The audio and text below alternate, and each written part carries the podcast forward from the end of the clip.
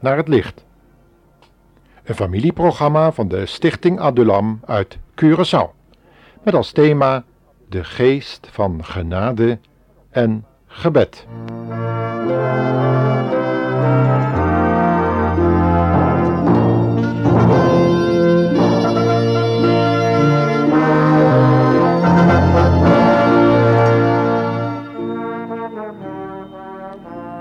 Terwijl ik bezig was het thema voor deze uitzending te overdenken, ontvingen we een bemoedigende brief van onze dochter uit Nieuw-Zeeland.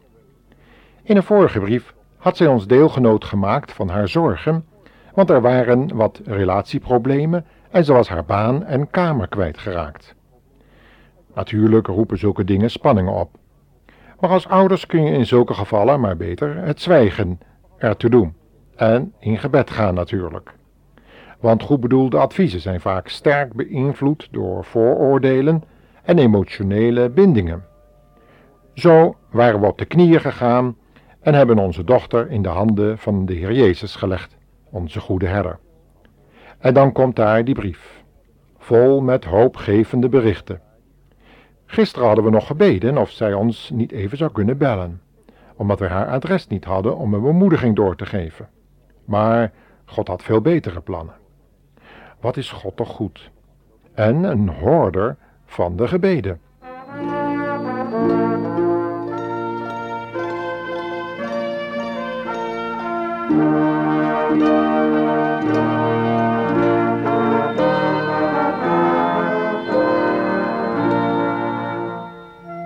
Wat is het toch waar wat er staat in Psalm 142 en Psalm 86?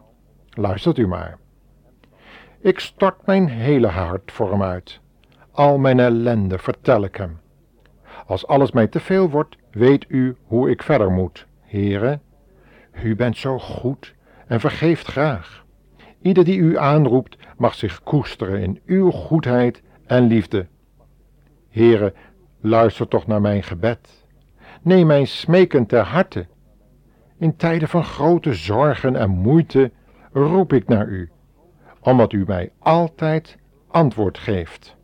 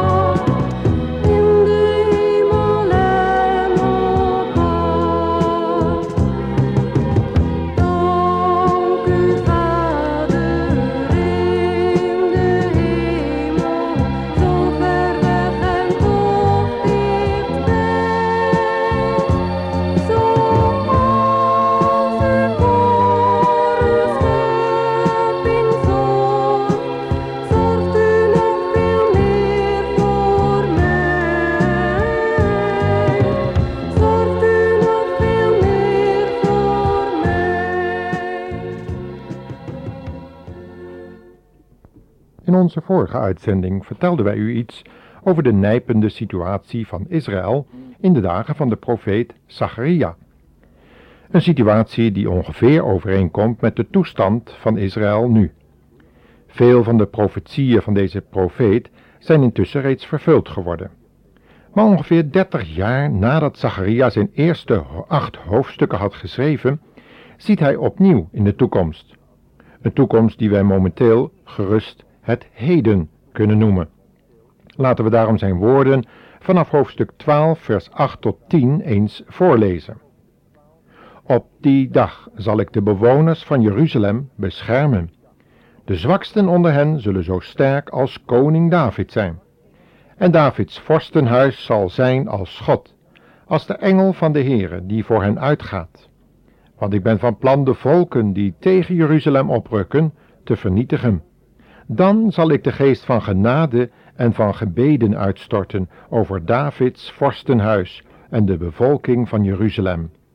En zij zullen hem zien, die zij hebben doorstoken, en over hem rouwen als over een enig kind. Ze zullen bitter bedroefd zijn en over hem rouwen als over hun oudste zoon.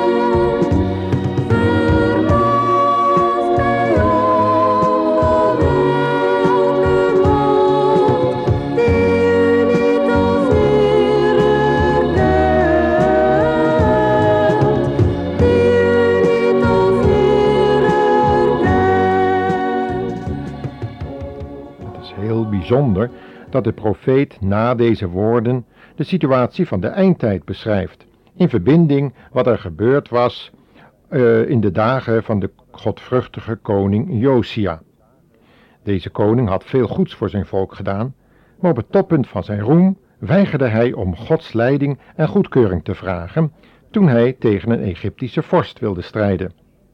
Deze had het toen niet eens op Israël voorzien, maar op een vijandig buurland zoals het momenteel opnieuw gebeurt. In het dal van Armageddon vond hij een smadelijke nederlaag en stierf Josia in de strijd.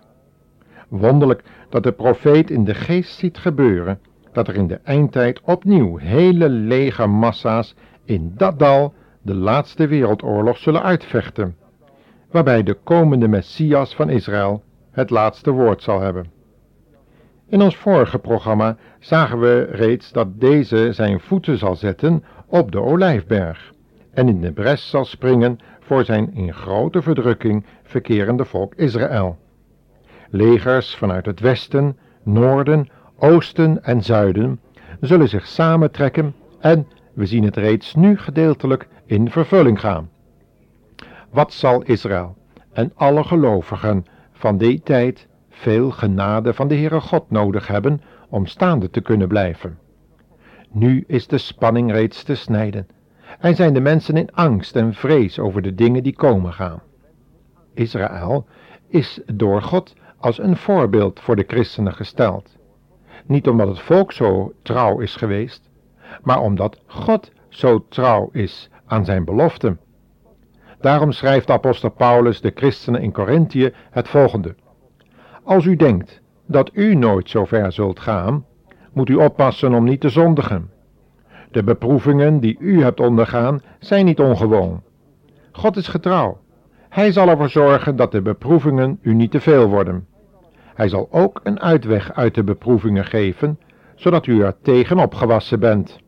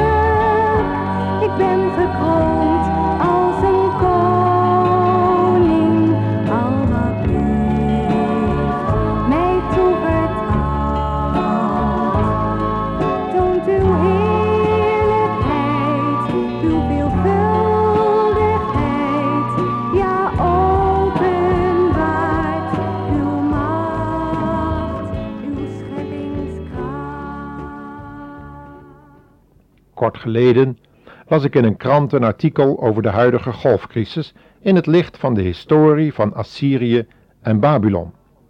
Daarin werd gesteld dat in feite de god Yahweh van de Israëlieten niet veel verschilde van de oorlogsgoden van Babel en Nineveh. Misschien dat de schrijver niet zoveel afwist van Israëls geschiedenis, maar Yahweh, de verbondsgod, kende liefde, vergeving, barmhartigheid. En dat kenden de goden van de omliggende volkeren niet. Wanneer mensen zich bekeerden van een boze weg, was er altijd genade en herstel mogelijk. Dat heeft de profeet Jona, die omwille van zijn onwilligheid om Nineveh tot bekering te manen, in de buik van een grote vis heel concreet beleefd. Na beleidenis en berouw te hebben getoond, ging hij alsnog op weg naar die grote en goddeloze stad in Irak, om het oordeel aan te zeggen als de mensen zich niet bekeerden. Het gevolg was dat de koning en zijn onderdanen zich inderdaad bekeerden, omdat zij de God van Israël meer vreesden dan hun afgoden. En het oordeel werd afgewend en uitgesteld. Zou God dan in deze tijd geen genade kennen, als mensen zich bekeren van boze praktijken? Steeds weer blijkt dat God juist in tijden van spanning, oorlogsellende en afval van geloofswaarheden een weg ter ontkoming wil geven. Ook nu. Jezus heeft hiervan gezegd dat die weg alleen maar bij hem te vinden is en dat deze weg via het kruis van Golgotha loopt.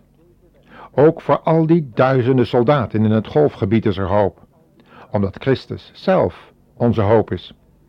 Hij is de levensvorst, doordat hij uit de dood is opgestaan, om alle die in hem geloven eveneens op te wekken bij zijn wederkomst.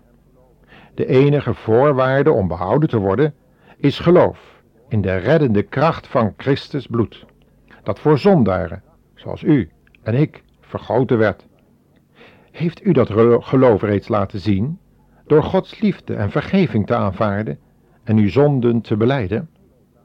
God wil u dan de geest der genade en der smekingen geven, zoals Zacharia dat heeft geprofeteerd, en het in feite op de Pinksterdag is vervuld.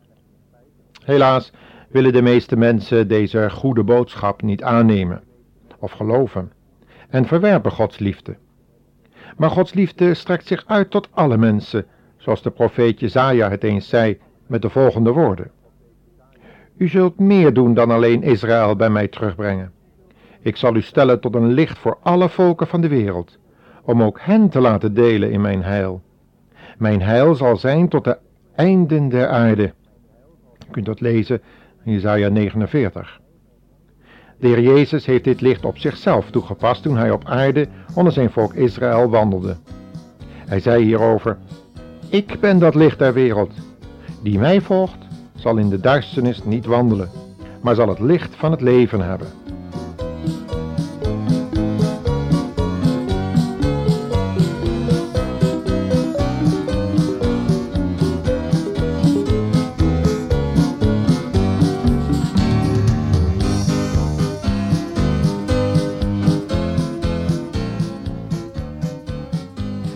Leven in een spannende crisistijd, luisteraar.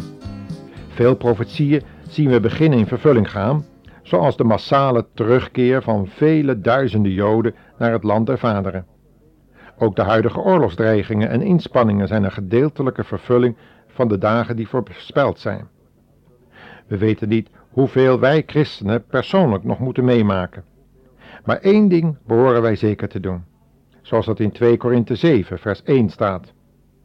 Vrienden, zegt Paulus daar, omdat God ons zulke geweldige belofte heeft gegeven, moeten wij ons afkeren van alles wat ons lichamelijk en geestelijk bevuilt. We moeten onszelf reinigen door ontzag voor God te hebben en ons volkomen aan Hem geven. Laten we hieraan gehoor geven, totdat onze Heer Jezus ons komt halen.